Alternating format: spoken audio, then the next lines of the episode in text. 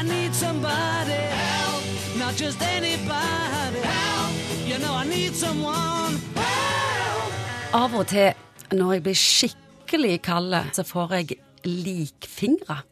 Akkurat så den normale hudfargen forsvinner, og så er tuppene kritthvite og Ja, stive. ja. Og det kan skje på teten òg. Hva er det? Ja, hva tror du det er? Det ser ikke ut som det er blod. Nei, og det, det er jo akkurat det det er. sant? Den fargen du har i huden, er jo der fordi at det kommer blod i huden. Blod ut til de ytterste hudlagene som gjør at han blir, ja, hudfarga. Og når, når, når du da har vært ute i kaldt vær, så tilsnøres den blodsirkulasjonen ytterst på fingrene. Og det er jo fordi at eh, kroppen skal sørge for at eh, den sentrale delen av kroppen, som er viktig for vitaliteten, at organismen lever videre, den skal iallfall ikke lide av at du er ute i kulda uten å ha kledd deg ordentlig, din dust. Men hvor lenge kan jeg gå rundt sånn? Det er jo et problem hvis det skjer for fort, og enkelte skal jo ikke mer enn inn i kjøleskapet sitt før du får likfingre. Det heter Renaults fenomen. Det, det er jo likfingre som man får uten at på en måte det var en grunn til det, og ingen andre normale får på en måte likfingre bare de skal hente eh, skinkenbiten sin inni der.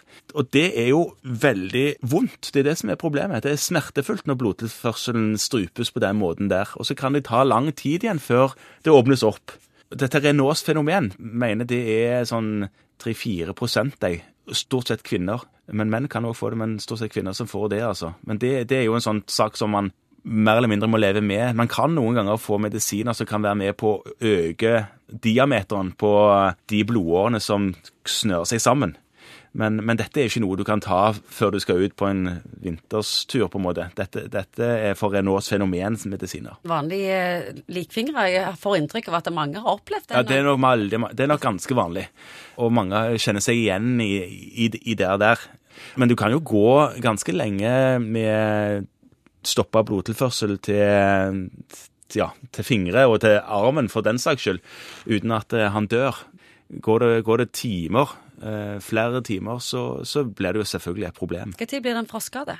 Klart, Går du lenge i kulda og først får likfingre, og så skal gå lenger, og, og temperaturen er lav, for det har jo med temperaturen å gjøre, selvfølgelig, og vind har det med å gjøre, hvor mye beskyttelse du har og sånne ting, men en frostskade kan du få ganske fort dersom du er dårlig forberedt på veldig kulde. Hva skjer når vi får hoppeskjelter? da? Når du får hvem for noen?